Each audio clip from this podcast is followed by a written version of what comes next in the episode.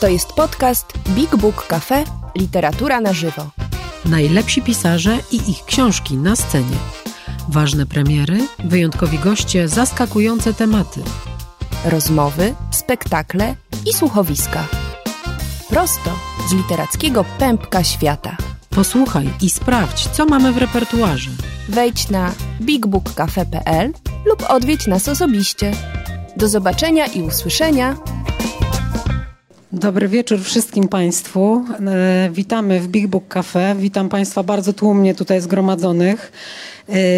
Będzie nam gorąco, pewnie od emocji i powagi sytuacji, ale też dlatego, że jest Was tak wielu i tak wiele, z czego ogromnie się cieszymy po długiej pandemicznej przerwie mm, e, od takich tłumnych spotkań.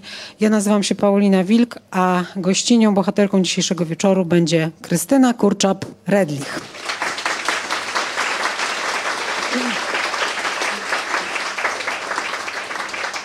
Pięknie dziękuję. A, a co będzie potem? A potem będzie jeszcze więcej pytań i braw.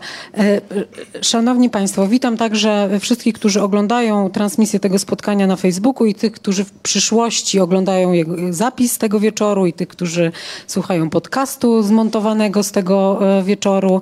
E, chciałabym i podziękować Państwu za to zainteresowanie, powiedzieć, że pani Krystyna Kurcza-Predlich zgodziła się po dzisiejszej rozmowie podpisać książki dla Państwa. Te książki można przez cały czas trwania spotkania zamawiać u nas w księgarni.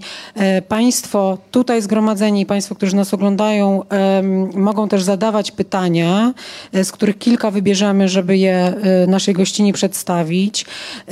Chciałabym Państwa poprosić też o coś i się z Wami dzisiaj na coś takiego umówić, ponieważ mamy świadomość i zrozumienie, że postać Władimira Putina budzi duże emocje i niektórym cisną się nieparlamentarne wyrażenia na usta, ale mam, mam taką propozycję, żebyśmy szczególnie w internecie, spróbowali poziomem, e, e, stylem i klasą dzisiejszego spotkania i, i komentarzy dorównać klasie e, wysokiej, z jaką pani Krystyna Kurczap-Redlich napisała swoją wspaniałą książkę. Nad, nad transmisją e, e, czuwa zespół Big Book Cafe. Gdyby cokolwiek się działo technicznie trudnego, to proszę spokojnie oczekiwać na wznowienie tej transmisji. To naprawdę jest kilka osób, które się całą tą sytuacją e, opiekują. Także, także jesteśmy, jesteśmy w dobrych rękach. Kiedy zapowiadaliśmy to spotkanie, a ono cieszyło się wyjątkowo dużym e, zainteresowaniem, wracało do nas od razu pytanie e, i taki dylemat, z którym chciałabym się e, z panią rozprawić na początku. To znaczy wracało pytanie, po co w ogóle czytać o Władimirze Putinie? Po co w ogóle się nim zajmować? Padały takie wręcz zarzuty, że rozmawiając o, o, tej książce, o jego życiorysie, jego biografii, jego karierze politycznej w jakimś sensie promujemy y, jego postać. I być może to pytanie y, jest jakoś relevantne i może, może warto je sobie postawić i chciałabym Panią e, e, zapytać o to, co właściwie dla Pani było taką najistotniejszą motywacją pracy nad e, tą książką, bo przecież pracowała Pani nad nią długo i jak Pani pisze w posłowie i podziękowaniu do tej biografii, no płynęła Pani samotnie przez to morze i spędziła Pani z Władimirem Putinem tysiąc i jedną noc i tu kłaniamy się nisko mężowi za jego wyrozumiałość przez, cały, przez cały ten czas. No więc Czemu warto rozumieć zło, tak filozoficznie rzecz mm, ujmując? Pani zapytała, co mną powodowało, że siadłam do tej książki. Dzika wściekłość. Wściekłość totalna na świat, który nie chce widzieć, kim jest Władimir Putin. Czytałam jedną, drugą, piątą jego biografię. One są nieustannym powielaniem właściwie tego samego i nie zauważyłam w nich niczego odkrywczego.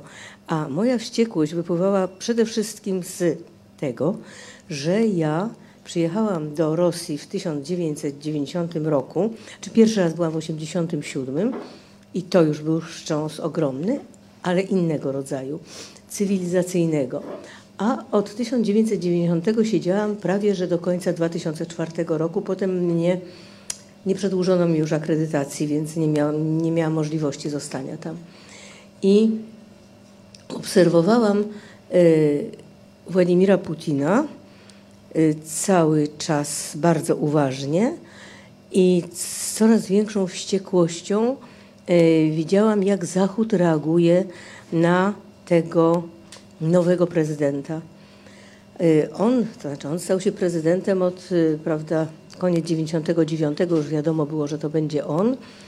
I, i coraz większą czułam bezradność, że im bardziej mm, rosły ceny ropy, a, z tym, a także im bardziej rósł Władimir Putin w, swoich, mm, w swojej wielkości kremlowskiej, tym bardziej zmniejszała się w moich oczach, przepraszam za takie słowo, moralność polityków Zachodu.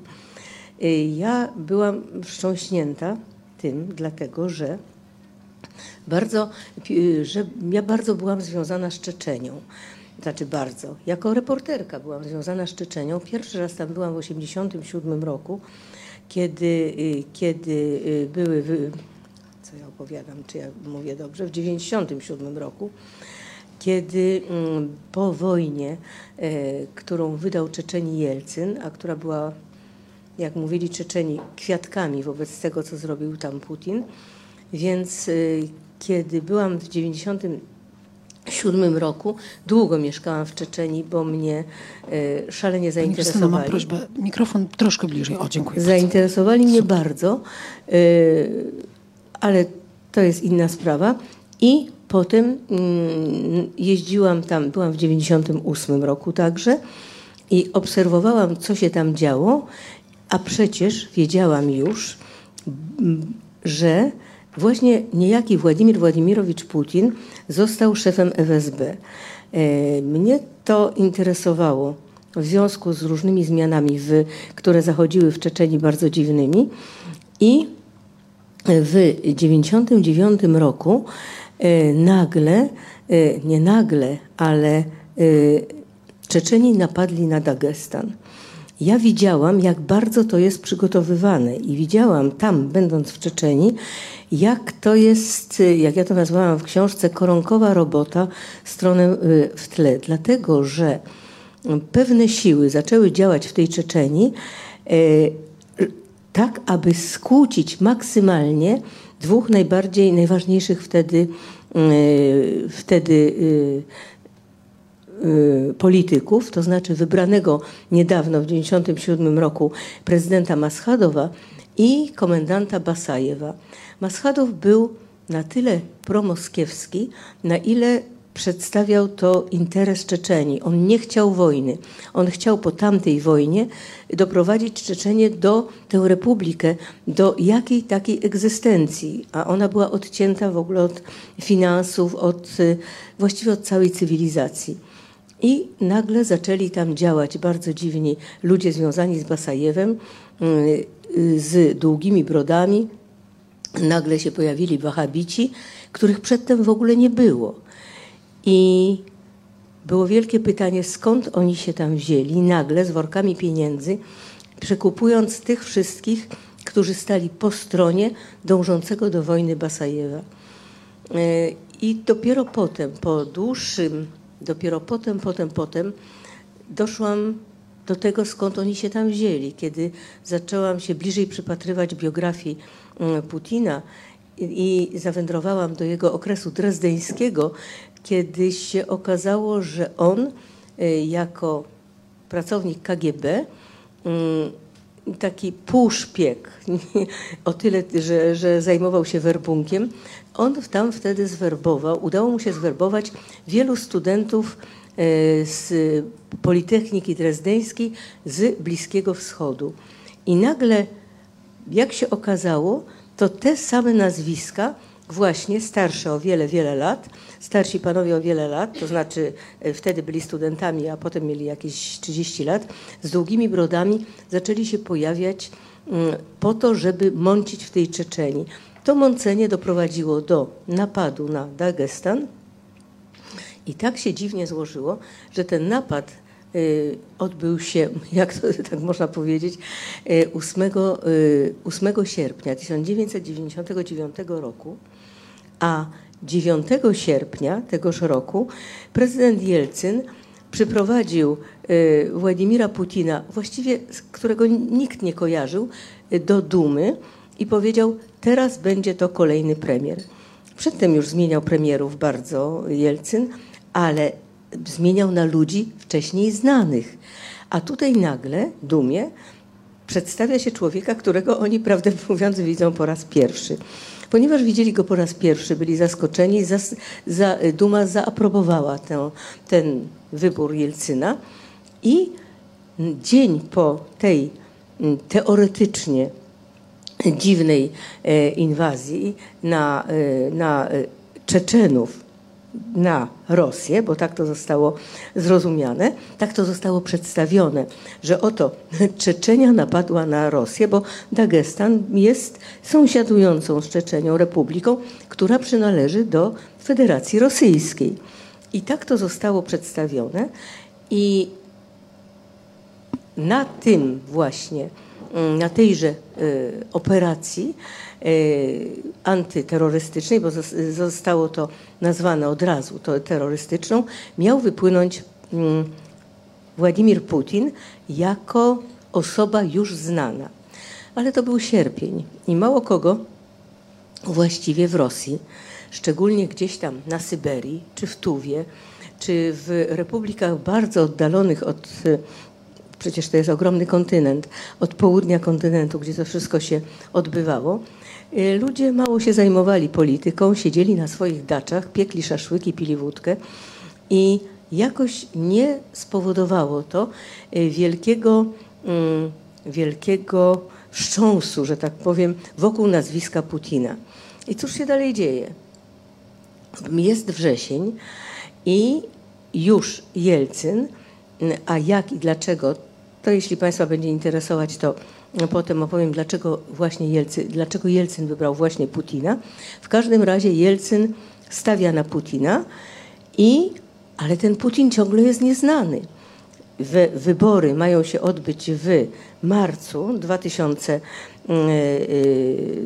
2000, 2000 roku, a we wrześniu nikt dalej nie wie, kto to jest Putin. On ma 2% poparcia tylko.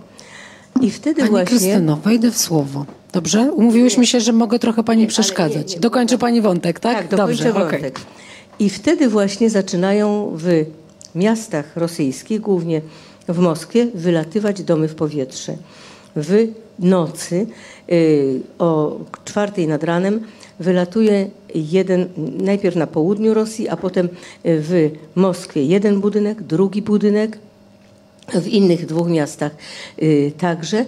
Taka sama, tak samo to wygląda i no, trudno tego nie zauważyć. Jest już wrzesień, wszyscy wrócili.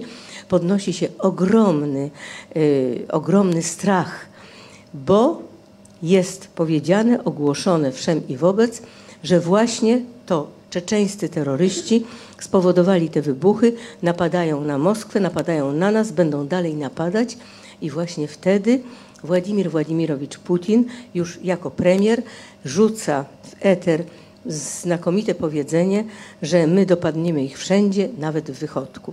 Przepraszam. No i po tej lotnej frazie już, już prawie połowa Rosjan wiedziała, kto to jest Władimir Władimirowicz Putin. Myślę sobie tak, e, na ile ta wściekłość która panią e, pierwotnie kierowała, te wszystkie obserwacje i ta olbrzymia wiedza, której drobną próbkę pani właśnie dała, na ile ona e, wystarczyła Pani w tej jednak bardzo długiej, mozolnej pracy, bo jestem pewna, że część z Państwa tę książkę już e, zna albo jest w trakcie lektury. Biografia y, Władimira Putina, pani autorstwa, jest w tej chwili najlepiej sprzedającą się książką dla dorosłych czytelników w Polsce. Sprawdziłam, przegrywa pani tylko z książkami dla dzieci Pucia na wsi, Kicia, Kocia, Co zasiejemy w ogródku oraz z, z no, taką kategorią Young Adults, y, czyli Heryterium Pisgacz, Start the Fire. Natomiast dla dorosłych pani, pani jest numerem jeden. Oddajmy sprawiedliwość y, y, temu, że książka pierwsze wydanie miała w roku 2016, ale pracowała nad nią pani właściwie, y, możemy tak powiedzieć, że od początku... s- y, Od 2013 nie. Mhm, ale y, 3,5 roku non-stop właściwie, z krótkimi przerwami na sen. Ale ja Okej. nie dam sobie przerwać, bo ja zaraz zapomnę, w ogóle nie tak się powiedzieć. umówiłyśmy, ale w porządku. Bo zaraz zapomnę, co chciałam powiedzieć. A chciałam właśnie powiedzieć, skąd ta wściekłość. Otóż ja jeżdżę do Czeczenii, jest rok 99, widzę rzeczy straszliwe. Daję słowo honoru. I jeździ pani takie- sama bez wsparcia jakiejkolwiek redakcji. bez wsparcia jakiejkolwiek redakcji. E, Redakcja Polsatu wreszcie dała mi kamerę, zresztą psującą się i starą, bo nie wierzyła, że cokolwiek tam zrobię, a filmy wszystkie trzy zostały nagrodzone. I, e, ale, ale, ale powiedziano mi, my nie wiemy, że pani tam jedzie. Bo wtedy porywano dziennikarzy. Jakby mnie tak porwano i biedny Solosz musiałby zapłacić za mnie, to przecież byłby bardzo biedny i nieszczęśliwy. No więc nikt nie wiedział, że ja tam jadę. Oprócz męża, który, który na szczęście jest dziennikarzem. No i, no i, no i się zgadzał. Mama raczej nie, nieważne. Ważne jest to, że 99 rok i y, Putin, już wiadomo, że y, y, pierwsze śledztwa już wykazują, że te wybuchy, te wysadzania domów to dzieło mm, Federalnej Służby Bezpieczeństwa, której Putin był także już jako premier, nawet wcześniej jeszcze był szefem. On przez rok był szefem, w 98 rok cały, on jest szefem Federalnej Służby Bezpieczeństwa i akurat on kończy swoją tam działalność jako szef i zaczynają te domy wylatywać w powietrze. Czeczeni, oczywiście terroryzm czeczeński i wszystko już jest wiadomo, zaczyna się straszliwa wojna w Czeczenii, zaczyna się bombardowanie Czeczenii. Czeczenia zwolna zaczyna wyglądać jak dzisiejszy Mariupol i na to jest, są, jest masa dowodów. To jest dokładnie jeden do jednego, jeśli chodzi i o, mm, no dzisiaj jest nieco bardziej nowoczesna broń, ale ja widziałam te, e, te, te działa Grad, które 48 z mm, tych rakiet jednocześnie wy, wyrzucają. W ogóle to są potworne rzeczy. Widziałam e, efekty tych bomb, które dzisiaj padają, bomb próżniowych, termobarycznych, które rozrywają ludzi od środka. Widziałam resztki dzieci poprzyklejane do, do, do drzew po wybuchu takiej wojny, takiej bomby. Widziałam, co się dzieje z bombami kasetowymi, które też, wszystko to są bomby zabronione przez wszelkie możliwe konwencje. Y, Widziałam, na czym polega bomba kasetowa, na tym, że y, po jej, y, po jej wybuchu ogromna ilość y, straszliwych y, odłamków bardzo daleki ma zasięg i, i właściwie taką bombą jest ogromny teren porażony łącznie z ludźmi. Więc wszystko to widziałam, i ale nie tylko ja. Wprawdzie ja jeździłam tam nielegalnie, bardzo mi było do twarzy w stroju Czeczenki i, y, jako, i opiekowali się mną Czeczeni, i, y, ale nie tylko ja tam jeździłam, jeździli także, przede wszystkim jeździły kobiety, mm, francuskie dwie, jedna młodsza, druga starsza, Sophie Shibab, jeździli korespondenci Zachodu też tam jakoś przenikali. I sprawa Czeczenii, tej wojny mm, czeczeńskiej była wtedy bardzo głośna. Y, 130, y, 130 intelektualistów napisało y, pismo, petycję do, y, do prezydenta Chiraca. Y, Wśród nich był, byli najwięksi y, y, reżyserzy filmowi, y, filozofowie, y, pisarze. Jeśli chodzi o filozofów, to był tam podpisany y, Leszek Kołakowski. y, Z Polaków był także ksiądz Boniecki tam podpisany. I do, prezydent, do prezydenta Chiraca wystosowali pismo, które nic nie dało. I sprawa jest już bardzo głośna. I y, y, zaczyna się y, straszliwa wo- wojna i ta wojna trwa. Bomby tak samo spadają jak teraz i politycy zachodni o tym wiedzą, tym niemniej. Tony Blair, premier Wielkiej Brytanii, jeszcze przed wyborami pierwszymi, które odbyły się 26 marca 2000 roku, jeszcze przed tymi wyborami w lutym pędzi razem z żoną do Petersburga, y, żeby złożyć, y, żeby się spotkać z Władimirem Putinem dla podniesienia jego, jego notowań w, w, w społeczeństwie rosyjskim, a także żeby zwrócić Zachodowi uwagę, że taki właśnie człowiek istnieje. I jak czytałam w mm, raportach pewnych, on dostał e, ogromny stustronnicowy raport na temat zbrodni e, Putina w Czeczeni, którego w ogóle do, do rąk nie wziął nawet przed, przed tym wyjazdem. I tak no i tak dalej obserwowałam, e, co się dzieje i narastała we mnie wściekłość, a pewne jej, jedno z jej apogeów było w 2003 roku, kiedy y, tak się złożyło, że, że mm, mój film był prezentowany na festiwalu filmów o Czeczeni w Londynie. I ten festiwal y, zorganizowała Vanessa Redgrave y, w tym samym czasie, kiedy nie mniej nie więcej, tylko królowa angielska w pałacu Buckingham przyjmuje Władimira Putina z jego żoną, która bardzo się cieszyła, że ma większy kapelusz od królowej. I, i y, myśmy wyszli z tej sali, e, w której e, ten festiwal się odbywał, dlatego że właśnie miała przyjeżdżać królowa z Putinem i wśród nas było no, wielu mężczyzn, reżyserów, i kiedy ci panowie, którzy towarzyszyli mi, ci reżyserzy, zobaczyli Putina e, razem przy, przy królowej angielskiej w ogromnej karocy, daję Państwu słowo, już nie mówię o mnie, że oni mieli łzy wściekłości w oczach. Że, że po prostu taka wściekłość, myśmy tam widzieli przez dwa dni, lała się krew z tego ekranu i wszystkie możliwe zbrodnie takie same, jak dzisiaj Państwo widzicie na Ukrainie i słyszycie o nich. I, i jeszcze większe, dlatego że na przykład na moim filmie były mm, dokładnie sfilmowane e, trupy ludzi po, po torturach, bo, no bo takie zdarzyło mi się właśnie zdjęcia robić. Straszliwe tortury, przypalanie palnikami, e, łamanie żeber i tak, no wszystko jedno. W każdym razie My to widzimy, my to mamy przed oczami, a oto jedzie na zaproszenie królowej pierwsze od 129 lat, czyli od czasów carów. Było to pierwsze zaproszenie gospodarza Kremla na, e, na, do Pałacu e, Królewskiego w Wielkiej Brytanii. A potem no, mijają lata e, i tenże prezydent Chirac, którego intelektualiści prosili bardzo, aby wpłynął na Putina wcześniej, by przerwał wojnę w Czeczeni, y, tenże prezydent Chirac wręcza Putinowi y, order, wielki order Legii Honorowej, największe odznaczenie dla cudzoziemców.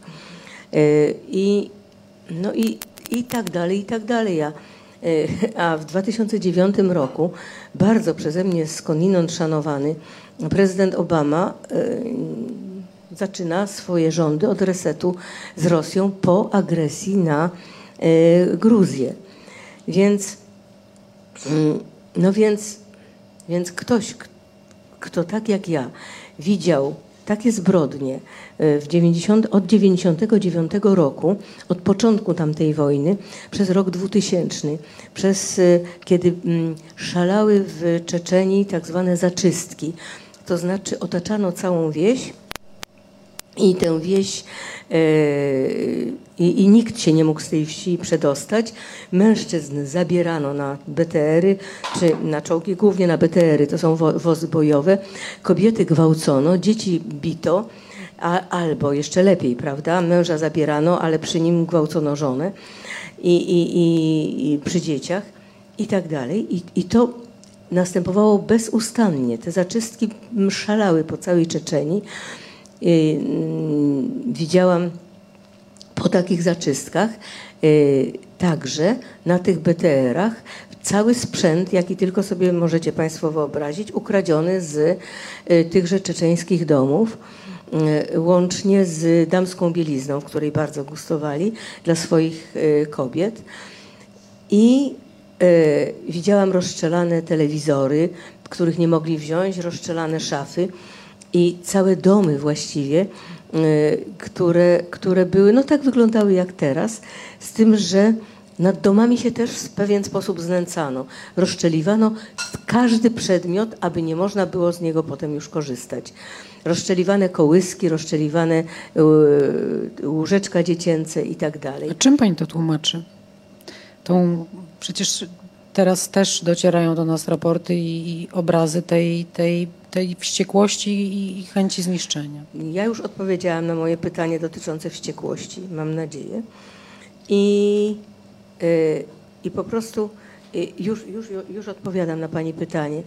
Y, ja byłam bardzo naiwną osobą. Sądzę, że jak, jak wiele osób mojego pokolenia powojennego, wierzącego, że teraz może być tylko lepiej, że już takie zło się nigdy nie, nie, nie, nie powtórzy. A poza tym ja, wychowana w czasach zimnej wojny, E, dzieliłam świat, jak wielu z Państwa pewnie też, na dobro i zło. To znaczy dobro na zachodzie, a zło na wschodzie. I e, moje rozczarowanie liderami Zachodu, w których już brakło i Reagana, i Margaret Thatcher, bo oni chyba by postępowali inaczej, e, spowodowało to, że ja musiałam napisać tę książkę. A czym ja tłumaczę to? Och, to teraz właściwie to pytanie mnie stawia w bardzo trudnej sytuacji, bo y, będę źle mówiła o Rosjanach, ale nie tyle o Rosjanach, ile o ich historii. Y, kiedy ja przyjechałam do Rosji, długo miałam bardzo szeroko otwarte oczy, bo znalazłam się zupełnie w innej rzeczywistości niż nasza socjalistyczna Polska. Był to 87 rok. Po paru latach nagle zrozumiałam, że e, na czym polega różnica wychowania, broń Boże, ja nie mówię o chrześcijaństwie, w cywilizacji chrześcijańskiej, ja, bardzo daleka od tych spraw, zrozumiałam podstawę tego, to znaczy szacunek dla życia ludzkiego. Po prostu u nas, w naszych w naszych, na naszych, nawet na naszych terenach, bliższych, bliższych wschodowi, nie zabija się tak łatwo. Y, sposób, w jaki y, łatwość, z jaką tam mówiono o zabijaniu, łatwość, z jaką tam decydowano się na zabicie kogoś innego, zaraz dam przykład, po prostu mnie porażała. Miałam bardzo serdeczną, naprawdę przyjaciółkę, która była niezwykle dobrą osobą, śliczna dziewczyna zresztą, y, z, z, y, ze śmietnika, na którym nocował pewien ślepiec. Jakiś ślepiec wzięła tego ślepca, y, odmyła, odwszyła, znalazła dla niego dom, zajmowała się wszystkimi psami, kotami i w ogóle była osobą z gruntu dobrą. Ale pewnego dnia pobito jej syna, takiego ze złotymi łańcuchami poszedł na, na, mm, no, na imprezę jakąś i e, tam go pobili jacyś, no, jacyś go tam pobili i e, złamano mu rękę. I no cóż, ręka się wyleczyła, czas mijał i pewnego dnia Ałoczka mi mówi, no wreszcie mogę spokojnie odetchnąć. Abo, abo się zemściłam wynajęła mafię i ta mafia dopadła tych chłopaków, którzy skrzywdzili jej syna. Było ich sześciu i czterech pobili, a dwóch zabili. I ona mi o tym mówi, to znaczy ona mówi, a ja mówię, no a z tymi dwoma to co? A, chórze było, gorzej było, po prostu. I to moje przerażenie, po pierwsze, wynikające z tego, że ona by nigdy nie poszła do sądu, bo w żadnym sądzie nie znalazłaby żadnej sprawiedliwości, jeśli nie zapłaciłaby majątku, a z drugiej strony łatwość, z jaką ona wynajęła mafiozów, żeby dorwali się do tamtych chłopaków, a jak się z nimi rozprawią, to już jest sprawa tej mafii. Ale to jest tylko jednostkowy przykład, y, bo a takich przykładów miałam bardzo dużo. I zadałam sobie pytanie, skąd się to bierze? Z historii. Otóż historia Rosji jest historią nieszczęścia. I nieszczęścia mongolskiego, trzy wieki panowania Mongołów, straszliwie, straszliwie okrutnych na tych terytoriach. Mongołów, którzy jeden ze swoich pierwszych mm, jeden ze swoich pierwszych zwycięstw y, w ten sposób y, święcili, że na ciałach ludzi pokonanych, ale nie na, na, na, na zwłokach, tylko na ciałach żywych ludzi pokonanych, ustawili podesty i na tych podestach bankietowali. A że ludzie tam, że ludzi tam dławiono, duszono, to mniejsza z tym. I to tylko przykład panowania mongolskiego. Nie jestem historykiem, i tylko taki przykład y, przytaczam, żeby Państwa nie zanudzić, ale y, wtedy prawa przez nich pisane właściwie każde kończyło się karą śmierci, każde nieposłuszeństwo kończyło się karą śmierci. Był to terror. Z tego terroru oni przechodzą w, w rzeczywistość carów jeden okrutniejszy od drugiego.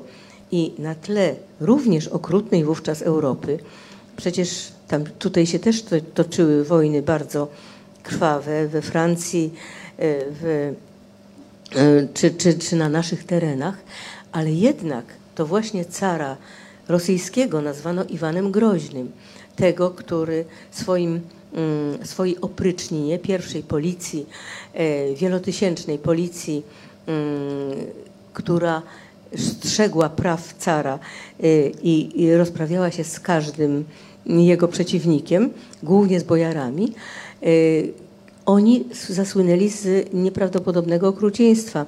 Car nie życzył sobie, chciał, car chciał upodobnić i upodobnił poniekąd Rosję do y, zachodu, jeśli idzie tam o, o, o prawo, to y, zabronił bojarom noszenia brud, do których byli od zawsze przyzwyczajeni i te brody im wyrywano.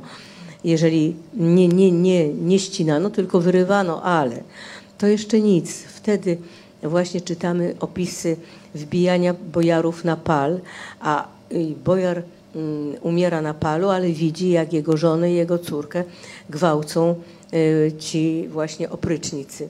Y, oprycznina Wystarczy zajrzeć do, do, do encyklopedii, do, do, do Wikipedii, żeby zobaczyć, jak straszliwie była okrutna. I jako taka przeszła do historii. No dobrze, ale to są czasy, y, kiedy y, jeden, jedyny przebłysk demokracji pojawił się w Rosji, w Nowogrodzie. Nowogród, piękne miasto, postanowiło y, rządzić się na swój własny, dzisiaj nazwalibyśmy to demokratyczny sposób. Otóż sami sobie wybrali władcę, sami sobie narzucali prawa bardzo mm, równające wszystkich i mm, w ogóle zaczęli się rządzić tym, co dzisiaj nazwalibyśmy mm, demokracją. I cóż robi Iwan Groźny? Iwan Groźny utopił Nowogród we krwi. E, też było otoczone całe miasto. E, kobiety były oczywiście e, gwałcone. Matkom przywiązywano do ciał niemowlaki, niemowlaki czy dzieci i wrzucano do lodowatej wody. Topiono ich w, w lo, znaczy zamrażano ich właściwie w lodzie, ale także palono albo z tamtych okresów są ryciny, jakieś nie mieszczące mi się w głowie, y, ale jednak ogromnych patelni, na których smażono ludzi. No, widziałam takie rzeczy także w, mm, na rycinach dotyczących inkwizycji, ale to jest, mm, no nie wiem na ile można to porównywać. Tak czy inaczej, tak się w Rosji działo. I tam się y, różnica między Zachodem a Rosją polega na tym, że na Zachodzie działo się to, ale działy się także inne sprawy, a tam się działy tylko y, y, rządy terroru. Terroru nieustającego. Spod terroru, y, spod terroru carów przechodzą, no, y, terror carów trwa na przykład. Y, skąd się bierze y, takie poniewieranie życiem ludzkim?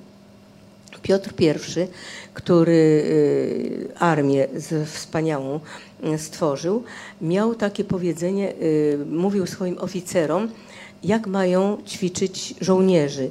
Siedmiu zabij, jednego naucz. I to lekceważenie, potworne zupełnie, lekceważenie to za słabe słowo, poniewieranie życiem ludzkim jest tam po prostu wpojone genetycznie. Tam każdy, kto może tobą pomiatać, bo stoi ciut wyżej nad tobą, jest, y, będzie to robił. I ja w Pandrioszce opisuję moje wielkie zdziwienie właśnie tym, że administracja domu może poniewierać yy, mieszkańcami, ale to są drobiazgi. Trzymajmy się. Ja tylko dopowiem, że Pandrioszka to jest pierwsza książka Krystyny Kurcza-Predlich o Rosji i chciałam Państwu powiedzieć, że ona wydana była w 2000 roku. Tak. E, jeden, jedyny egzemplarz jest dzisiaj na aukcji w słynnym serwisie na A.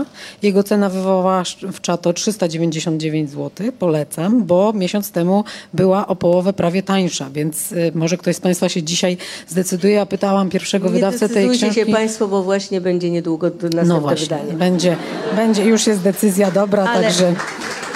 Ale no ale jednak to Pozwólcie mi dokończyć o tym okrucieństwie nieprawdopodobnym, ponieważ, e, ponieważ ono się mi nie mieściło w głowie, tak samo jak wam się nie mieści w głowie. Od carów przechodzimy do kogo przechodzimy? Do rewolucji, do straszliwej rewolucji październikowej, gdzie tak jak wtedy, i to trzeba zaznaczyć, zezwolenie na okrucieństwo idzie od góry. Róbcie co chcecie, oprycznicy, róbcie co chcecie. Byleby w interesie cara. To samo przechodzi na mm, rewolucję październikową, prawda? Przecież rewolucja nie była oddolnym y, ruchem, tylko ruchem odgórnym. Róbcie co chcecie, mordujcie tych białych, mordujcie właścicieli. I i mordujcie, znęcajcie się, możecie grabić. I to cały czas przechodzi genetycznie, po, po, po prostu z pokolenia na pokolenie. Pani wspomniała o pandrioszce. To ja sobie przejrzałam ją i znalazłam kilka, kilka powiedzeń, które mnie wtedy, bo, które mnie już na początku pobytu w Rosji bardzo y, uderzały. Na przykład y, Wszędzie, jak tylko ktoś mówi, że jemu jest źle, że coś mu się dzieje, to usłyszy primirajsia, pogódź się, pogódź się, albo cierpi. I oni się, Rosjanie się, są dumni właściwie y, z tego, że to cierpi. To nie jest cierp, tylko miej cierpliwość. Miej cierpliwość, żeby to znieść. I takie powiedzonko na przykład, jak mówię, no co będziemy robić i tak dalej za tydzień, za dwa. Sto razy słyszałam, dożyć by do poniedzielnika, dożyć by do poniedziałku. Po prostu ich, po ich y, możliwość znoszenia, co ja tutaj mam, aha, i bardzo często, y, kiedy ja się dziwiłam właśnie różnym takim zachowaniom, Y, poniewierającym jednego przez drugiego, już nie mówię o wcześniej milicji, a potem policji, która także dzielnie się i nade mną znęcała, y, to było, a u nas po drugomu, a u nas inaczej. Jak ja mówiłam, a y, gdzieś to na zachodzie, i oni w ogóle nie chcą słuchać. I zaraz usłyszałam, a u nas po drugomu, ale to nie, że u nas gorzej, u nas lepiej, u nas inaczej, ale u nas lepiej. I co jest tutaj, mam jeszcze? A, i bardzo często, kiedy, kiedy um, się czemuś człowiek dziwi, że no głównie jeśli idzie o zachowania, już nie mówię o, o, o sprawy bytowe, to tysiąc razy usłyszałam, e to, że Rosja, to jest przecież Rosja. Jak to jest Rosja, to tutaj musi być inaczej i inna bardzo miła dziewczyna, która y, była właścicielką małego biura turystycznego kiedyś, y, była, wraca z Pragi i mówi mi, cóż to za dziura? No przecież tam o dziewiątej wszystko jest zamknięte. Więc u nas lepiej, u nas Moskwa rzeczywiście nigdy nie śpi, tam, tam ruch jest całą noc i, i można było w nocy jeździć na lodowisku, ale u nas zawsze jest lepiej. Rosja jest czymś zdecydowanie lepszym. Ja też dla Pani mam cytat, taki trochę niespodzianka, trochę wspomnienie. Teraz zrobimy kawę, którą Pani obiecaliśmy, dobrze? A ja Pani coś przeczytam, co może Pani doskonale pamięta, a może nie. Znalazłam to w archiwum cyfrowym e, Przekroju, do którego mam dostęp, bo w nim współcześnie pracuję. E, mm, a ja tam zaczynałam moją karierę dziennikarską. No właśnie, bo nie wiem, czy Państwo wiedzą, że Krystyna Kurcza-Bredlich, co moim zdaniem czuć, kiedy czyta się tę znakomitą książkę, E, pani pochodzi z rodziny twórczej. Pani Mój tato e, był, był również pisarzem. Tak. Pani jest, ma też blisko siebie bardzo ważne dla literatury postaci. Pani szwagrem był pan Jerzy Pomianowski, tak. absolutnie genialny tłumacz literatury rosyjskiej. Rosyjski genialny tłumacz. I mam takie poczucie, że, bo powiedziała Pani... Pierwszy i jedyny tłumacz archipelagu Gułak na polski. Wspaniały tłumacz między innymi prac Izaaka Babla, które po pokazywaliśmy tak. w zeszłym roku na Bibuk Festiwalu.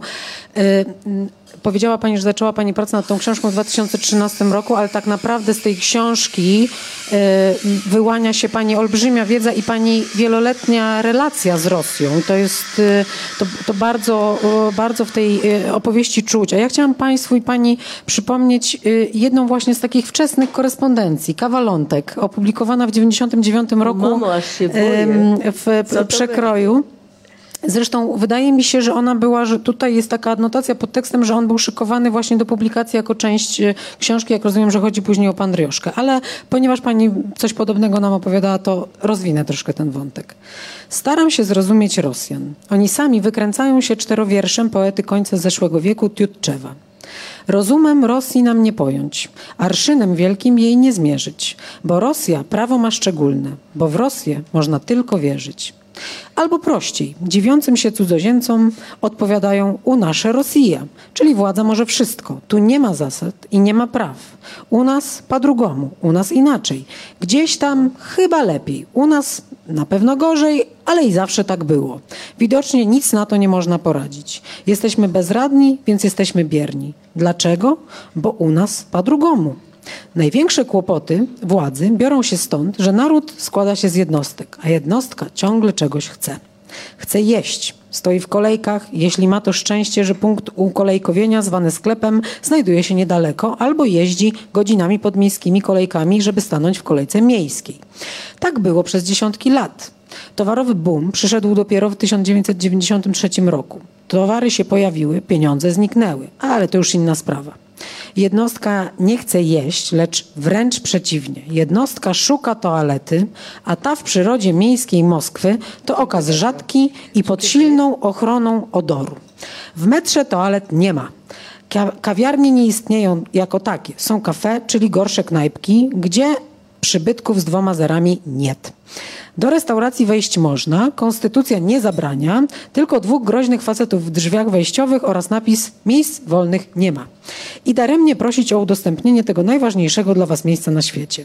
No i rzecz jasna, w żadnym urzędzie, banku czy innym budynku, który ważny jest, toaleta dla publiczności nie istnieje jest dla pracowników, ale pracownik to część urzędu przez duże U, a urząd jest ważny nie po to, żeby petenta do przynależnej urzędowi toalety puszczać. W żadnym urzędzie, starym czy dopiero co otwartym, nie ma owego drobnego dowodu na to, że w przybyłym widzi się człowieka, nie tylko petenta. Petent, czyli jednostkę, petenta, czyli jednostkę proszącą zależną od woli urzędu. Totalitaryzm polegał na totalnym unicestwieniu obywatela przez państwo. Urzędnik zaś jest pomazańcem państwa, istotą opromienioną władzą. W tej aureoli nie może sobie pozwolić na dreptanie z kluczykiem w dłoni obok petenta w kierunku klozetu. E, to, to przykład e, wczesnych pani e, zapisów wrażeń Rosji i tych wczesnych prób rozumienia tego, y, tego miejsca, o którym pani powiedziała mi w naszej rozmowie przed dzisiejszym spotkaniem, że kiedy pani się tam znalazła po raz pierwszy, miała pani poczucie, że jest pani na zupełnie innej planecie. Tak. Chciałam, żeby nam pani trochę opowiedziała o tym, jak właściwie co, pani, co panią do Rosji doprowadziło, dlaczego pani z mężem pojechała tam do pracy. Z tego co wiem, mąż się y, zwinął trochę wcześniej z placówki niż pani, nawet Dużo znacznie wcześniej. wcześniej. No i jak ta, jak ta relacja pani z Rosją się rozwijała? Y, później, przez, przez lata. Pierwszy raz pojechałam y, do męża, jeszcze nie był moim mężem. Pojechałam w 1987 roku. Y, wtedy bardzo chciał mąż pracujący w papie w Polskiej Agencji Prasowej wówczas i był tam wysłany na miesiąc. Ja bardzo byłam ciekawa, co to jest takiego ta Rosja, ta Rosja, ten Związek Radziecki, bo nigdy w pociągach przyjaźni nie jeździłam, nie należałam do odpowiednich organizacji. No i, no i, i wystroiłam się, no bo jadę do narzeczonego bądź co bądź. Więc się bardzo tam, jakiś kostium, jakieś tam buty porządne, y, y, się wystroiłam. U nas piękny maj, jak jakie miałam pojęcie w ogóle, dokąd ja jadę. I e, ktoś mi dał e, kurtkę jakąś taką ciepłą, puchową dla kogoś tam do przekazania w Moskwie. E, w trakcie jazdy widzę, że śnieg pada, a ja w tych butach ni w 5, ni w 12. No i ten mój ówczesny mąż, który, tfu, narzeczony jednak się zdecydował być moim mężem, jak mnie zobaczył, tak szpetnie zaklął, wziął mnie na ręce, przeniósł przez kałuże, których sobie wielkości w ogóle nie wyobrażałam, że mogą być na dworcu, zaraz przy dworcu takie kałuże. Doszłam, stanęliśmy w kolejce do taksówek, która to kolejka to był właściwie ring bokserski, dlatego że taksówkę trzeba sobie było, że tak powiem, zdobyć pięściami do kolejną mm, przyjeżdżającą i znalazłam się w totalnie innej cywilizacji, będąc przekonana, że nasza przecież tutaj w porównaniu z Zachodem jest już najgorsza na świecie.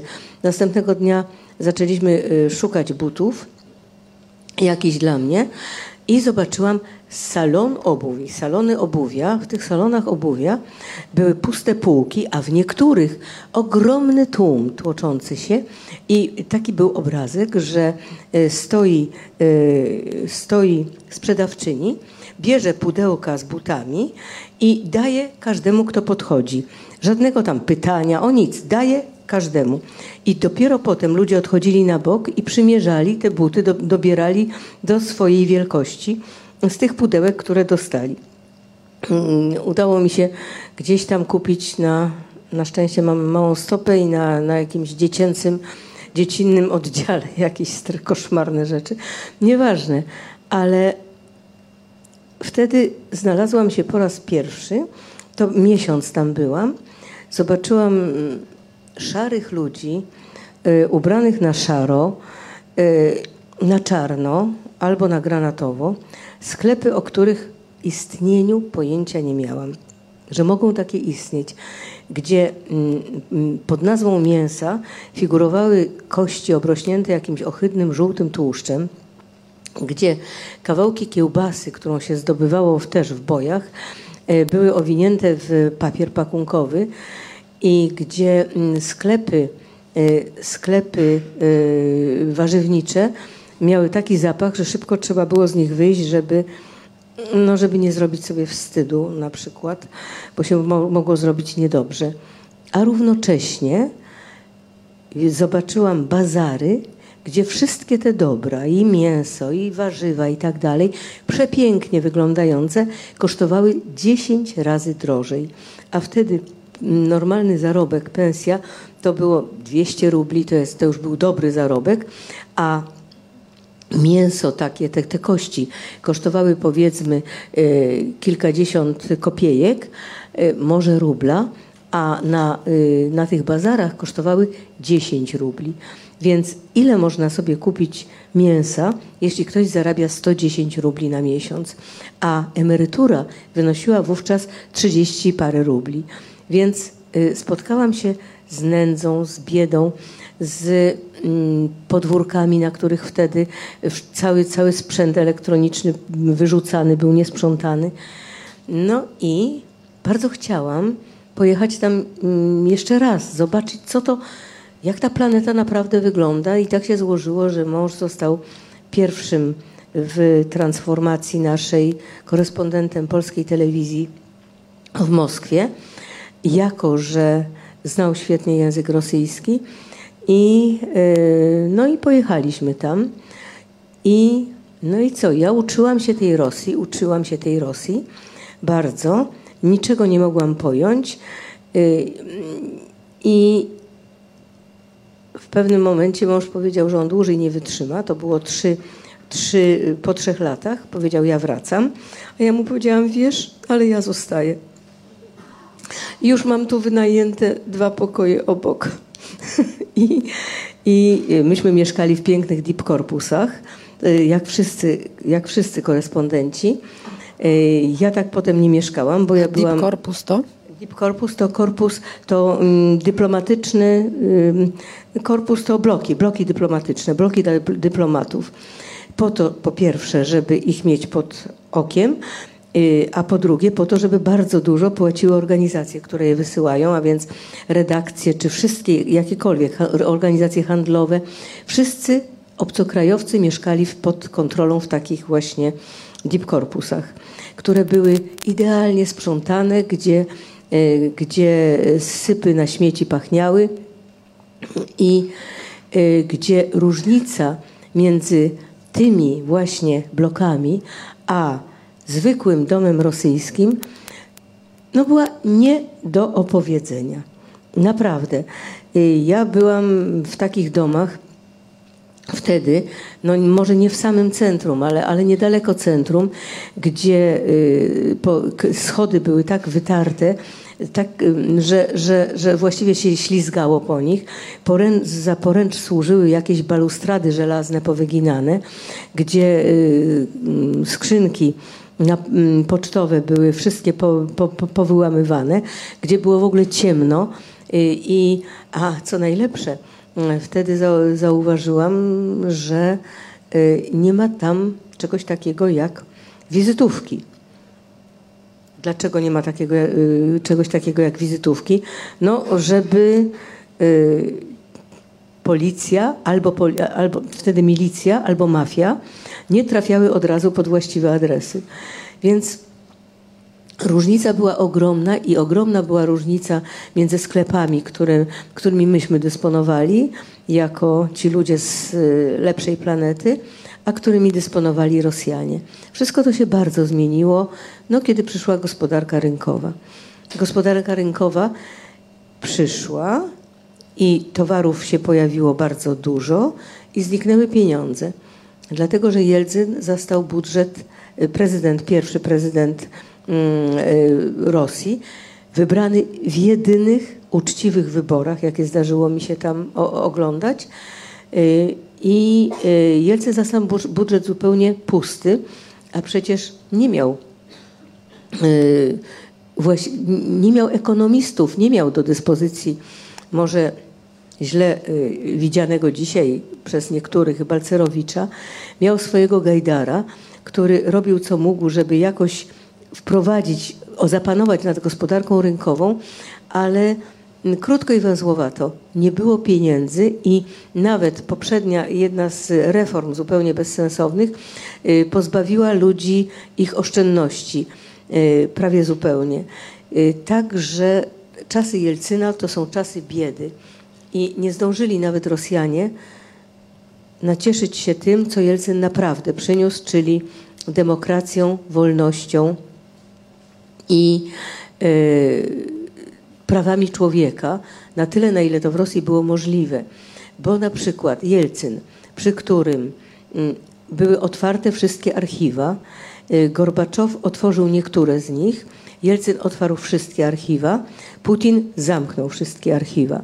Jelcyn mm, wprowadził, zlikwidował hymn sowiecki, hymn radziecki z jego straszliwą melodią nazwiska Stalin w ogóle nie wypowiadał, jako że i jego dziadek, i jego ojciec siedzieli w łagrach mm, i wprowadził dawny sztandar, dawną flagę rosyjską trójkolorową, likwidując mm, flagę Związku Radzieckiego. Putin przywrócił od razu, jak tylko się pojawił na Kremlu, przywrócił melodię y, hymnu y, radzieckiego i mm, słowa tylko nieco są zmienione y, i przywrócił radziecki sztandar wojskom armii, armii, armii rosyjskiej. Mm, I cóż, przy Jelcynie w Dumie było, były 24 partie, przy Putinie są cztery, a właściwie to jest jedna, która rządzi. Wiadomo, że reszta to są no, y, takie partie, jak u nas było Stronnictwo Demokratyczne czy, czy, czy ZSL za czasów prawda, PRL-u. I y, wszystkie, y, co jeszcze, istniały przy Jelcynie znakomite telewizje, to znaczy była telewizja jedna oficjalna, która tym niemniej, ona była telewizją oficjalną i kremlowską, ale ona nie podawała totalnych kłamstw.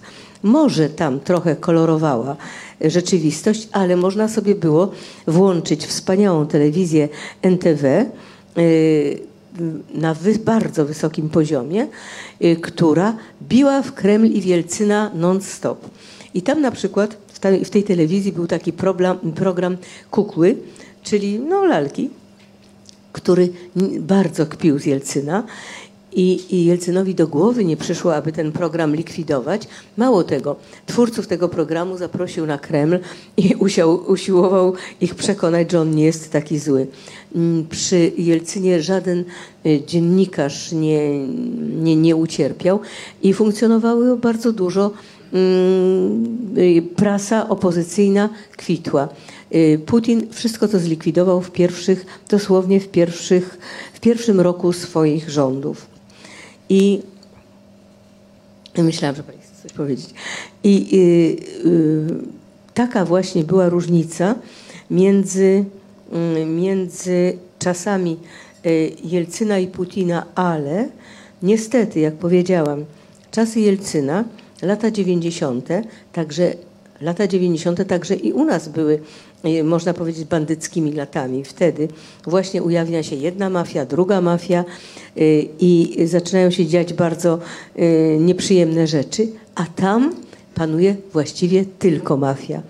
I zaczynają się walki między MSW, czyli Ministerstwem Spraw Wewnętrznych, a Federalną Służbą Bezpieczeństwa i okazuje się, że jedne powstające wtedy Mm, prywatna, powstająca tak zwana prywatna inicjatywa, jedna musi być podporządkowana jednej mafii, druga innej mafii. I ta, mm, mówiłam o, o, znajomej, która miała biuro turystyczne. Potem się okazało, że ona mówi, Ałoczka, no tak, minia kryszuje mafia, ja jestem pod opieką mafii, a kto inny był pod opieką FSB po prostu y, zaczęła się, za, zaczęło, za, zaczął tam panować bandytyzm, nad którym trudno, żeby prezydent miał, e, miał możliwość opanowania tego. Y, on straszliwie miał trudne rządy. Jelcyn, dlatego że główną partią w Dumie była partia komunistyczna, szalenie rzucająca mu kłody pod nogi. I, i dlatego to wszystko mówię, że mm, Y, oczywiście wiem doskonale, że Jelcyn był alkoholikiem i to go zgubiło. I gdyby nie był alkoholikiem, to mm, Putin nie zostałby prezydentem, ale, ale y, dlatego mówię o Jelcynie, że on nie, tyl, nie był tylko alkoholikiem. Był także na tyle, na ile to możliwe, szczególnie w pierwszym okresie, dążącym do demokracji prezydentem. Buduje Pani w książce zresztą bardzo przejmujący e, jego portret, ale przed sekundą powiedziała Pani, że w tym okresie, o którym Pani mówiła, panowała mafia, FSB, bandytyzm. Wszystkie trzy określenia szalenie kojarzą mi się z głównym bohaterem Pani e, książki. Myśmy to spotkanie tytułowali prosto, a może przewrotnie, kim jest Władimir Putin.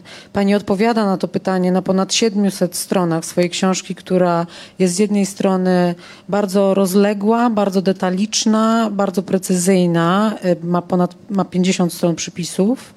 Y, z drugiej strony czyta się jak pewnie część z Państwa y, wie, jak właściwie thriller, który, którego się nie da odstawić. Z drugiej strony ja ją czytając miałam wrażenie, że to jest właściwie dramat szekspirowski o, o, o esencji y, zła i, i, i mechanizmach władzy, ale chciałabym jednak spróbować Panią poprosić o, o odpowiedź na pytanie, kim dla Pani przede wszystkim jest Władimir Putin. Bo pada w tej chwili cała masa określeń. Myślę, że część z nas potrzebuje sobie jakoś załatwić odpowiedź na to pytanie. Y, pojawiają się określenia psychopata, zbrodniarz, y, no i, i inne, ale oczywiście one nie, nie, y, nie wyczerpują tego zjawiska ani jakby sił, siły jego istnienia. Zastanawiam się, kim przede wszystkim dla Pani, z całą Pani wiedzą. Krótko i węzłowato terrorystą, bandytą, kłamcą. E, I dlaczego? Ale nie tylko. To, e, to się ujawnia w trakcie życia, ale przede wszystkim e, kim jest, postaram się, postaram się najkrócej, jak potrafię powiedzieć, dlaczego jest taki, jaki jest.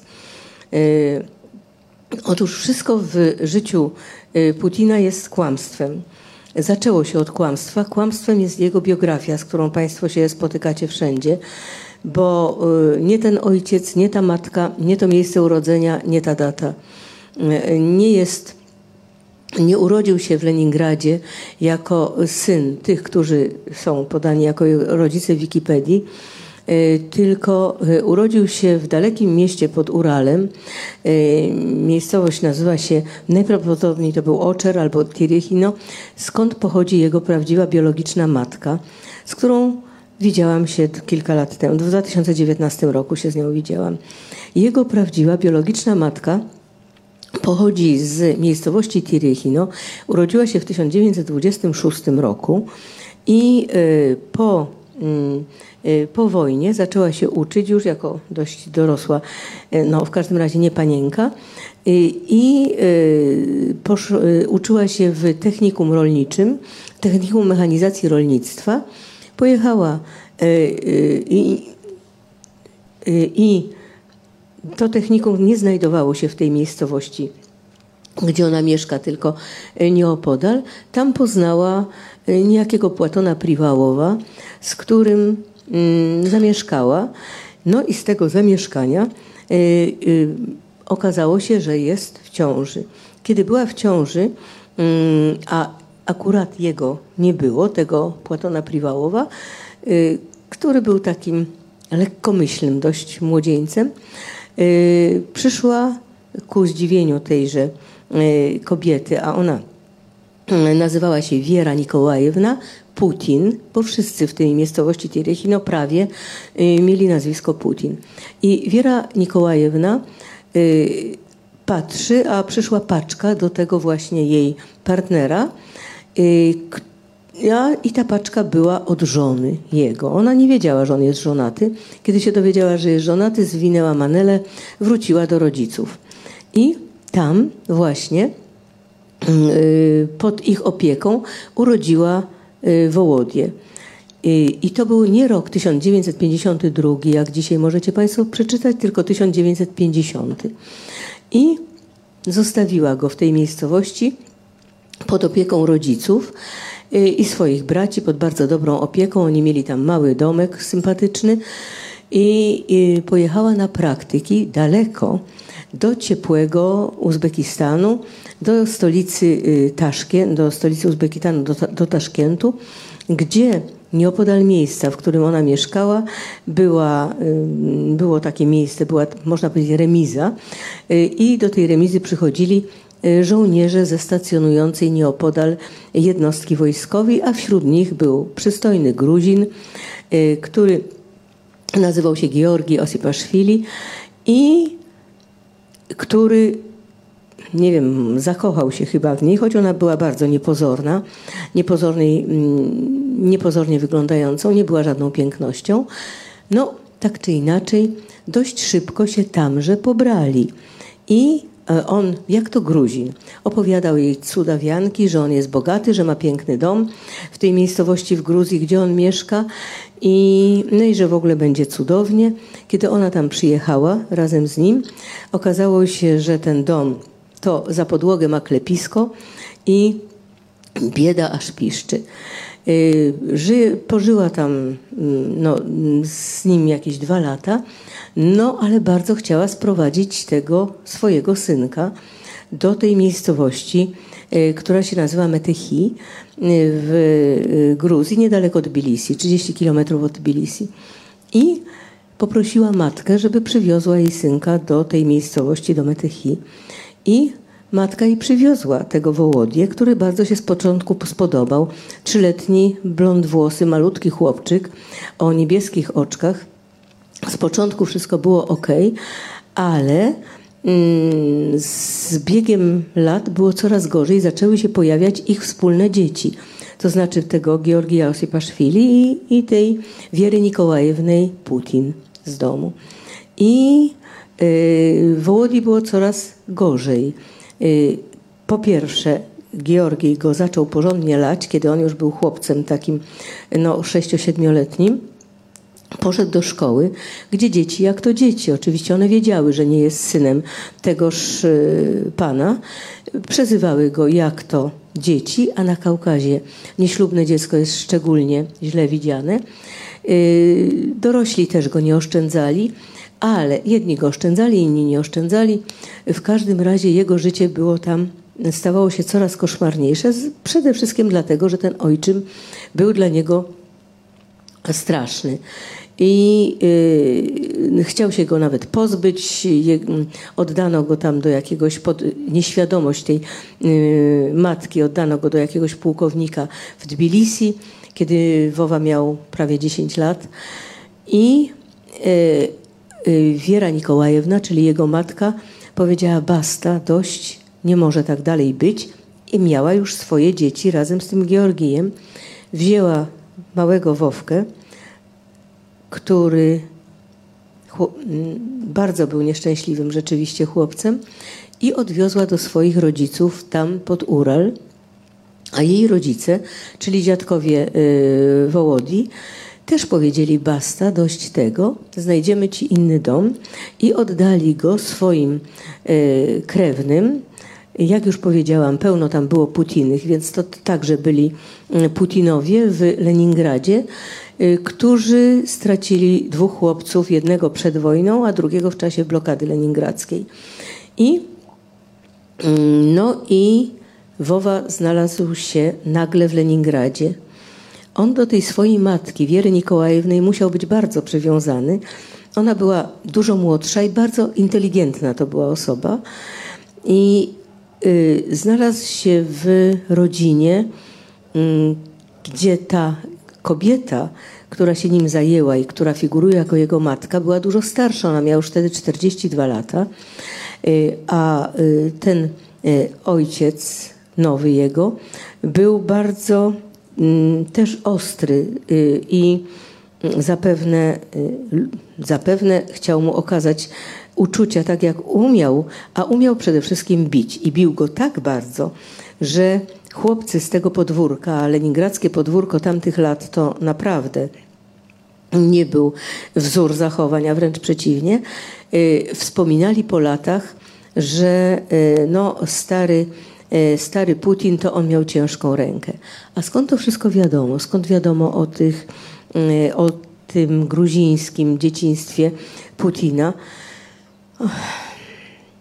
No, znowu tutaj pojawiają się Czeczeni.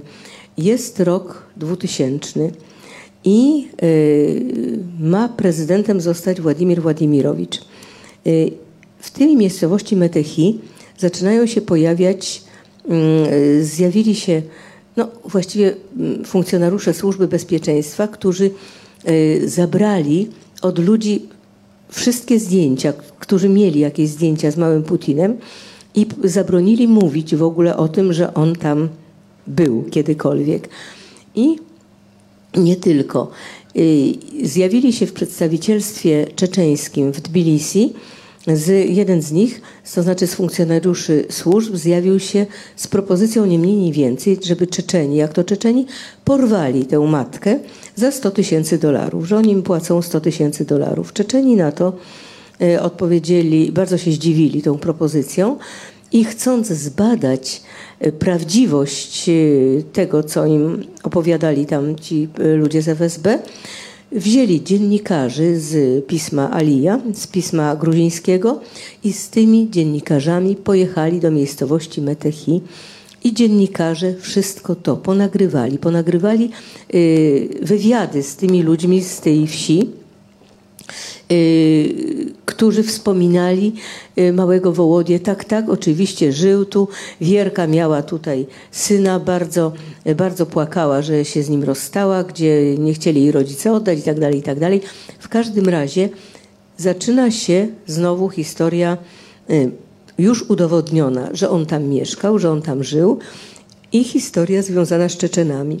Czeczenom bardzo zależy na ujawnieniu tej prawdy przed wyborami prezydenckimi, bo no, nie można powiedzieć, żeby to zaważyło śmiertelnie na, na, na wyborach, ale na pewno by Putinowi nie pomogło ujawnienie tego, że jego oficjalna biografia jest kłamliwa i że jego prawdziwa matka żyje gdzieś tam w gruzińskiej wsi Rosjanka, Rosjanka, bo mówili Gruzinka, nie, Rosjanka.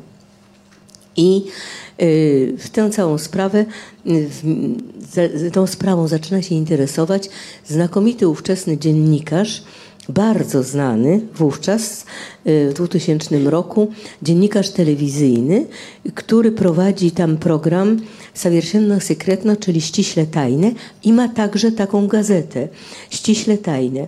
I dowiaduje się o tym, że taka jest historia właśnie gruzińska bardzo chce na poparcie, mm, na, na poparcie tego do pokazania w swoim programie mieć jakieś zdjęcia. Okazuje się, że udało się y, odzyskać parę zdjęć ludziom tam w Gruzji, w Metechi i oni chcą te zdjęcia przekazać do komuś do Kijowa, no bo jemu trudno pojechać, prawda, do Gruzji, przygotowując program do telewizji. I jego przyjaciel y, Czeczen, biznesmen czeczeński, który bardzo często lata wyczarterowanym mm, samolotem do Kijowa, mówi: No to ja cię wezmę do tego Kijowa, lecimy razem. No ale daleko nie ulecieli, bo w 9 minut po starcie samolot się rozbija, oni zostają, oczywiście trupy, y, ginie cała załoga, y, ginie ten y, dziennikarz, który nazywał się Artiom Borowik, ginie ten biznes, biznesmen czeczeński. Natychmiast giną także wszystkie zapisy, telefony, całe, cała dokumentacja, którą miał ze sobą tenże Artiom Borowik. Śledztwo zostaje natychmiast utajnione. O, o, o, wszystkim tym pisze dokładnie na samym początku dla udowodnienia, mm, mm, dla udowodnienia, jak bardzo ważne było wtedy nieujawnienie tej właściwie banalnej, serialowej prawdy przed wyborami, y, przed pierwszymi wyborami Putina. Y, Mm, zresztą to nie było jedyne, y, jedyny, że tak powiem, trup z tym związany, dlatego że zginął także włoski dziennikarz, który trochę wcześniej rozmawiał z tą kobietą. Potem, już po tych wyborach, kiedy Putin został prezydentem, z trudem, nie tak prosto, ale można było, można było odwiedzić tę kobietę. I znakomita y, dziennikarka holenderska zrobiła film, który możecie Państwo wyklikać pod tytułem Putin's, Putin's Mother. Po prostu, matka Putina. Ona się nazywa Ineke Smith i ten film można jeszcze, tylko trzeba troszkę się napracować, ale można go znaleźć. Pani Krystyna, ja wejdę w słowo, bo chciałabym zrozumieć, bo pani, pani pokazuje nam na tym przykładzie, jak ważne jest kłamstwo w całej biografii Putina, ale Dlaczego on tak konsekwentnie, bo to, że dzisiaj z łatwością i uporem kłamie, wiemy i słyszymy, ale, y, ale mm, czemu to w gruncie rzeczy służy? Czy, czy to jest y, No obrona przed pokazaniem jakiejkolwiek słabości? Tutaj są dwie, dwie, dwie sprawy. To znaczy tak, Putin cały czas kłamie, w dodatku w tymże e, Leningradzie zostaje mu zrobiona nowa metryka z nową datą urodzenia, ponieważ on na nowo musi iść do szkoły, musi znowu iść do pierwszej klasy, bo jak przypuszczam, on głównie mówił po gruzińsku, a nie po, po, po, po rosyjsku. I w tej szkole leningradzkiej, w czwartej klasie, do której powinien iść zgodnie z wiekiem, pewnie nie dałby sobie rady. Zrobiono mu nową, e, nową e, metrykę i od tego się zaczyna. Dziecko, poprzednio już tam bite, ale teraz to dziecko zostaje wprowadzone na podwórko to leningradzkie do bandy chłopaków tam się wychowujących przez tę nową matkę, która mówi to jest mój syn Wowa, przyjmijcie go i, i, i bądźcie dla niego dobrzy. Wowa ma wtedy 10 lat, yy, faktycznie, według tej metryki ma lat 8, ale ci chłopcy wiedzą, że on się tam pojawił i że nie jest jej synem. Nie widział, nigdy nie widział w ciąży, nikt nigdy nie widział jej z, dzieckiem, z wózkiem. Po prostu nie było żadnego dzieciństwa tego chłopaka, którego ona y, przedstawia jako swojego syna, więc oni wiedzą, że to jest kłamstwo, a on się do tego kłamstwa dostosowuje. Już w Gruzji zaczął y, zaczął, że tak powiem, studiować, uczyć się bicia, dlatego że tam się zapisał do y, szkoły sambo, sama, samoobrony, czyli samoobrony i y, znakomicie sobie radził z tym biciem w Gruzji, a tutaj dość po jakimś czasie y, trafił do sekcji judo i też piąstkami sobie wybijał prawdę y, i wybijał sobie posłuch. I teraz tak, on kłamie od samego początku. Na kłamstwie jest całe jego późniejsze życie osadzone, na kłamstwie związa związanym z pochodzeniem. Ale to jest jedna sprawa. Y, krótko tylko, bo chcę jeszcze wrócić mm, do tego, dlaczego on taki jest. Y, zupełnie politycznie, że tak powiem, e, ale mm, długo piszą, długo zastanawiając się, dlatego że to się przewija w mojej książce, pytanie, co się dzieje z jego umysłem, co, co właściwie w głowie ma Putin. I wyczytałam, bo przecież nie jestem psychologiem, ale odwołuję się do wielu źródeł, że człowiek, który permanentnie kłamie, i poddaje swój mózg takim ćwiczeniom, jak ćwiczenia mięśni, że nieustanne kłamanie wywołuje w mózgu, w ciele migdałowatym y, takie reakcje, które powodują aprobatę tego kłamstwa, bo większość z nas, gdy kłamie, to wie, że kłamie i jakoś stara sobie z tym dać radę, ale nie kłamie permanentnie. Mało ktoś, kto z nas Mało kto z nas kłamie permanentnie, a on kłamał permanentnie. I y, wszystko jest w jego życiu kłamstwem, wszystkie dalsze wybory są zakłamane i tak dalej. Sfałszowane są wszystkie wybory Putina. Ale chcę wrócić do tego, dla, jaki on jest. I skąd się y, bierze y, taka mm, tak politycznie ukierunkowana umysłowość, z jaką się spotykamy. Otóż ten jego nowy ojciec mm, był y, wcześniej, jeszcze przed wojną, żołnierzem NKWD. Większość z Państwa wie, co to jest NKWD. Jest to organizacja, to jest właśnie ta organizacja, która strzelała y, w, w naszym oficerom w głowy w Katyniu. To jest organizacja, y, która stworzona jest do prześladowania wszystkich inaczej myślących. Y, organizacja no, ogromna, no, taka jak specjalna organizacja w Związku Radzieckim. Jego y, ten jego ojciec jest nie tylko, że walczył, w, że sam wstąpił do wojsk NKWD przed wojną, że walczył w Finlandii w tej wojnie e, zimowej, z której z trudem uszedł życiem, ale jest fanatycznym właściwie mm, wielbicielem Stalina. I E, i całego Związku Radzieckiego z jego ideologią.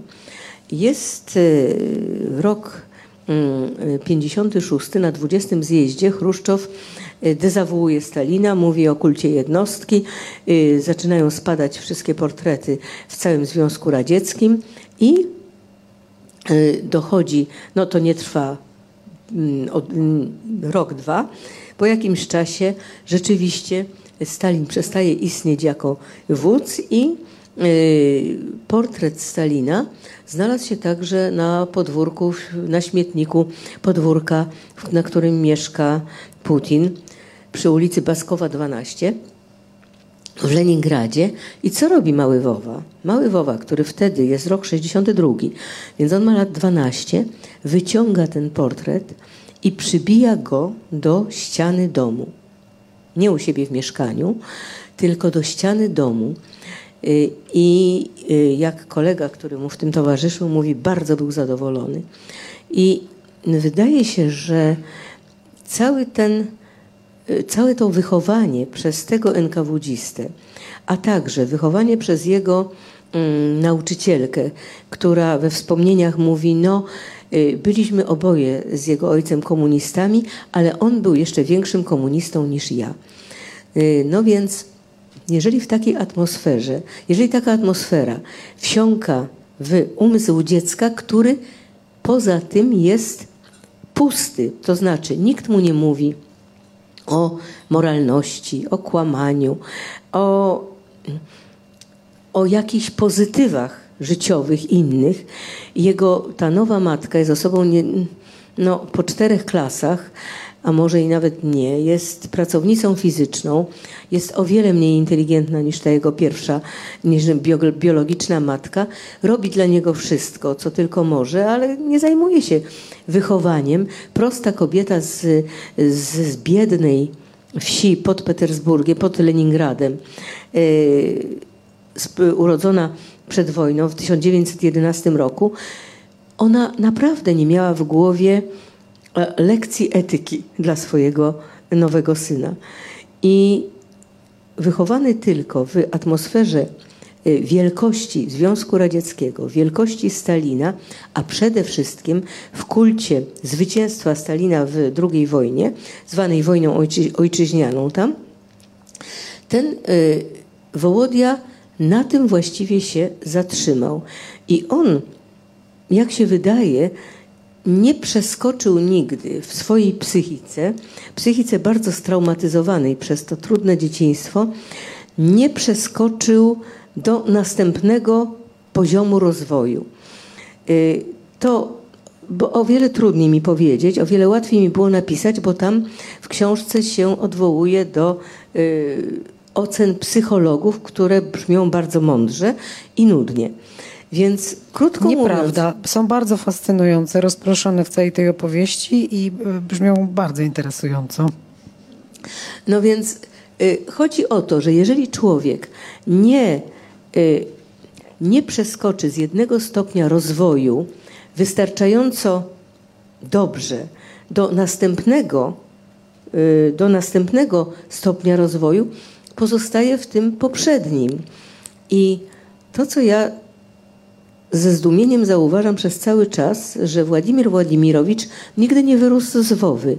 On nigdy nie wyrósł ze Związku Radzieckiego i z, y, i z wychowania tego swojego y, ojczyma, bo y, kiedy on wraca z Drezna, mówi do, jest rok 1990 i on mówi swojemu przyjacielowi ze studiów, który jest prokuratorem.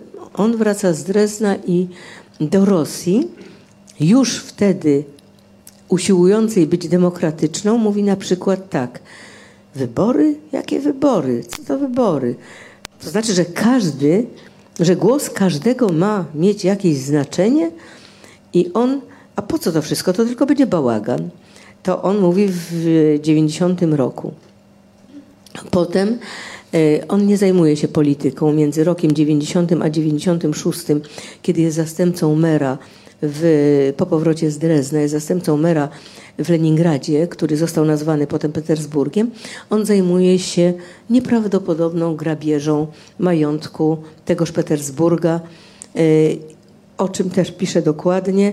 A to wszystko takie jest nieprawdopodobne, że do, do, naprawdę trudno w to uwierzyć tak na pierwszy, na pierwszy rzut ucha, że na przykład port tam zrobili razem z merem Sobczakiem. Specjalnie podporządkowali port y, handlowi y, narkotykami z Kolumbii, że na tych narkotykach zrobili ogromne pieniądze, co zostało udowodnione o wiele lat, wiele lat później, w 2015 roku, przed sądem królewskim w Londynie, gdzie sędzia Sir Owen, zajmujący się zabójstwem Litwinienki, stwierdza, że na e, Kremlu jest, jest przestępca przebrany za prezydenta. A dlaczego? Dlatego, że w trakcie procesu e, związanego z zabójstwem Litwinienki okazało się, że Litwinienko tuż przed śmiercią e, na polecenie, na prośbę e, hiszpańskich, e, mm, hiszpańskich przedsiębiorców zbadał przeszłość i zbadał osobę jednej z najbliższych osób, jednej z najbliższych osób Władimira Putina, Wiktora Iwanowa. I okazało się, że Litwinienko udowodnił, że ten Wiktor Iwanow, który miał podpisać z Hiszpanami miliardowe jakieś, e, jakieś, jakiś e, biznes, że on w przeszłości handlował, e, zajmował się handlem narkotykami i że ten handel nadal trwa. I że ten człowiek jest związany z Putinem i tutaj nastąpiło udowodnienie całej ich wspólnej działalności w zakresie narkotyków. I to wszystko, i to także wpłynęło zapewne na śmierć, na zabicie Litwinienki, ale to wszystko wypływa w sądzie londyńskim w 2015 roku. Więc to nie jest y, tak, że ja sobie mówię, że on handluje narkotykami. Zresztą opisuje tam bardzo śmieszne, różne, związane z narkotykami rzeczy. Oni tam opanowali cały hazard. Za licencję na, na, na jednorękiego bandytę trzeba było Putinowi płacić 100 dolarów, który był wtedy zastępcą mera i tak dalej, i tak dalej. Po prostu zajmował się ogromną to znaczy zajmował się przestępcami na, przestępstwami na ogromną skalę. I tak się potwierdzeniem tego jest to, że w 90 chyba 8 roku, tak, pismo Global Finance umieszcza Putina wśród 600 ludzi wpływających na finanse Rosji. Więc to nie jest coś, co można sobie wymyślić. On wraca z Drezna, y, no tak, z Drezna, wraca Y, starą Wołgą. Dostaje od y, przyjaciół w NRD y, starą lodówkę, a w 92 roku jedzie do Austrii po to, żeby sobie kupić, żeby omówić kupno domku w górach austriackich. Do tego nie doszło, ale znalazłam w piśmie austriackim nie, zdjęcie burmistrza, który z nim, y, który właśnie z nim na ten temat pertraktował i to jest opisane właśnie, że zastępca mera y, Petersburga przyjechał do Austrii kupić sobie y, dom. Więc w ciągu dwóch lat, jakie zrobił nieprawdopodobne pieniądze. I polityką się nie zajmuje, zaczyna się zajmować polityką w 1996 roku, ale jest jeszcze na przykład taki incydent z 94 roku, kiedy on jest w, y, zastępcą tego mera i bierze udział w międzynarodowym y, zebraniu y, takiego klubu biznesmenów, klubu politologów i klubu filozofów, którzy rozmawiają, debatują na temat zbliżenia Rosji do Zachodu i być może nawet wstąpienia Rosji do NATO i Wtedy za stołu podnosi się niewielkiej postury człowiek i głosem jak, jak z karabinu maszynowego y, zaczyna mówić, że wam się tylko wydaje, że Rosja może zapomnieć o tych wszystkich terenach, które zostały jej odebrane i na których żyją do dziś Rosjanie, na przykład takich jak Krym. Czyli on już w 1994 roku nie może się pogodzić z tym, że na przykład Ukraina, że państwa nadbałtyckie, że Gruzja stały się niepodległymi państwami. on wtedy y, zaprzecza, zaprzecza y, temu, co się dzieje, mówiąc, że tak być nie może. Powtarzam, to jest rok 94. I jak tylko y, Putin staje się prezydentem, y, zaczyna i w jego pierwszym mm, jego pierwszym orędziu do, do y, obu izb parlamentu mówi wyraźnie, że Rosję trzeba podnieść z kolan, że Rosja musi być wielka i że wszelkie asocjacje, on to innym słowem nazwał, między autorytatyzmem, y, y, autorytaryzmem, dyktaturą, a porządkiem są zbędne. Zastąpmy te słowa efektywnością państwa. No i mamy państwo efektywne. On nigdy z tą myślą się nie rozstał.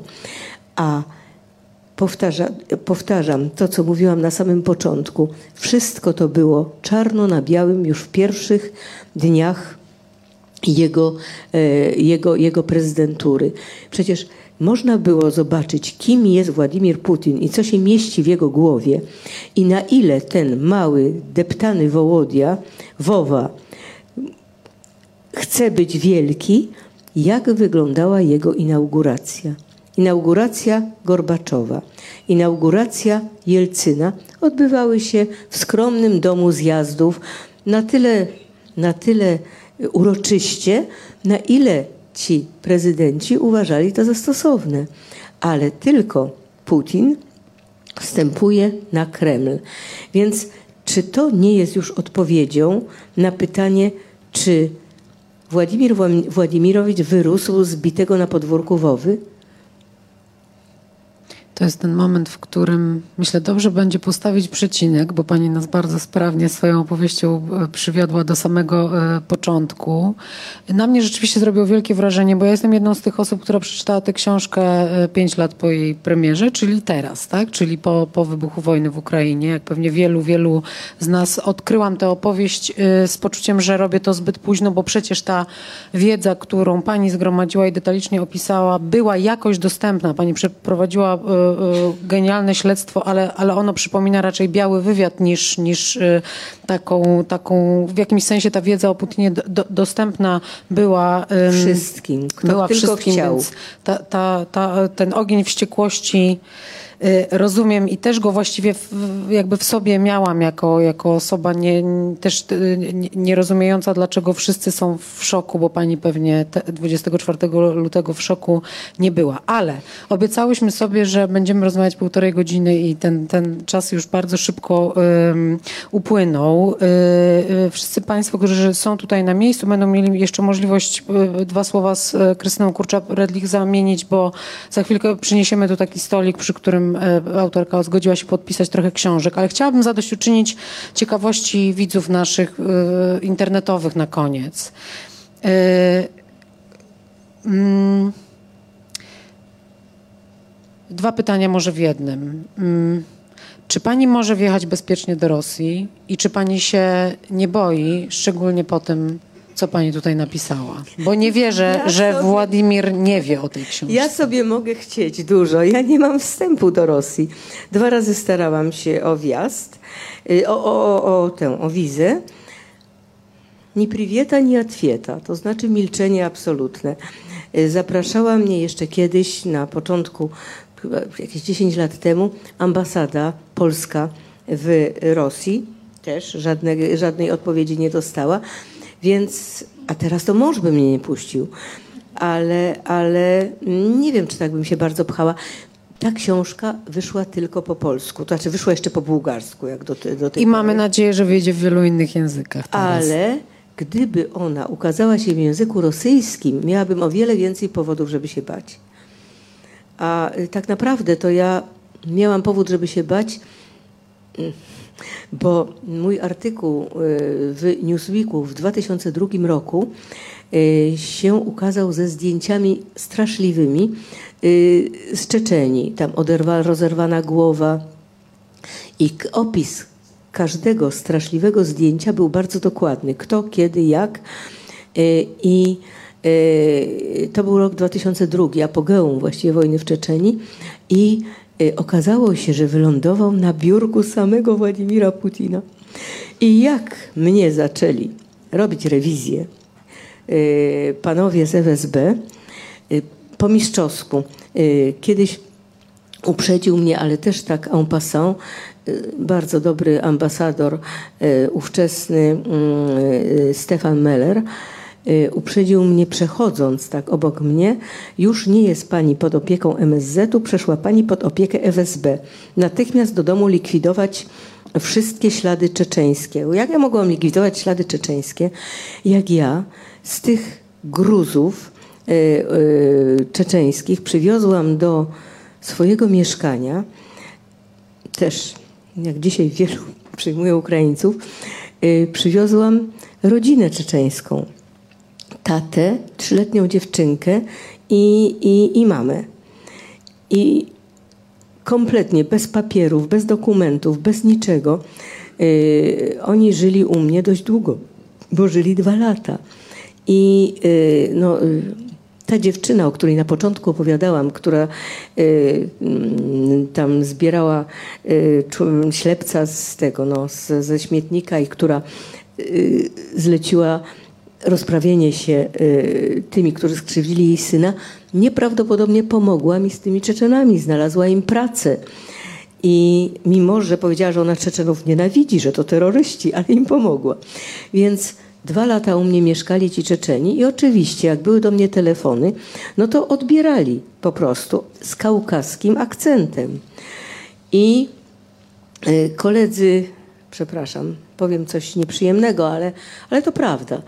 Y, moi koledzy Polacy, dziennikarze, bardzo sprawnie donosili, że y, u mnie nie mieszka, nie wiedzieli, że jakaś rodzina mieszka, że u mnie mieszkają czeczeńscy bojownicy, z którymi Krysia się zabawia, bo ja tam byłam sama, bez męża. No więc coś trzeba było mi przyczepić, prawda?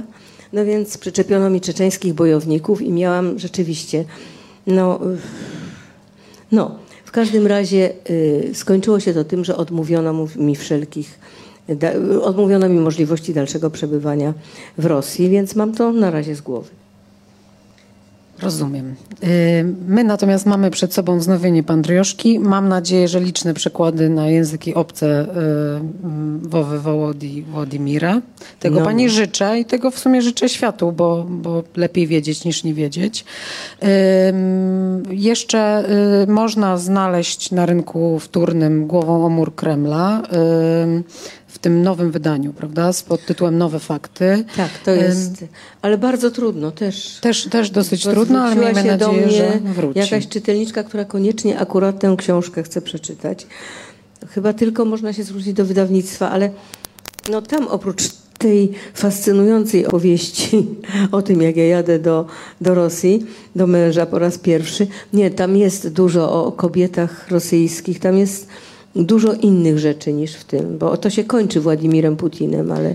Miejmy nadzieję, że, że wznowienie nastąpi. Tymczasem e, wszystkim Państwu, którzy jeszcze nie przeczytali e, tej biografii, bardzo, bardzo gorąco ją rekomenduję. Ją można jeszcze zamówić z autografem e, u nas dzisiaj. Tymczasem ogromne podziękowania dla Krystyny Kurcza-Bredlich za tę opowieść.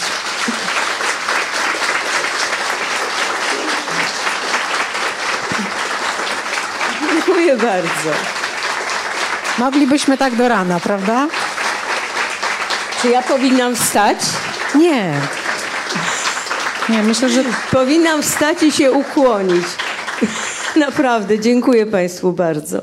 To my bardzo dziękujemy. Dziękujemy również e, widzom. Dobrej nocy. A my tu za chwileczkę e, postawimy stolik, przy którym autorka jeszcze usiądzie i będzie dla Państwa. Serdecznie naprawdę Państwu dziękuję i za wysłuchanie, i za aplauz.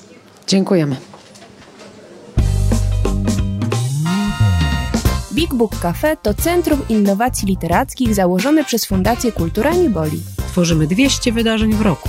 Prowadzimy wege kawiarnię i księgarnię pełną dobrych książek. Big Book Cafe. Żyjemy czytaniem.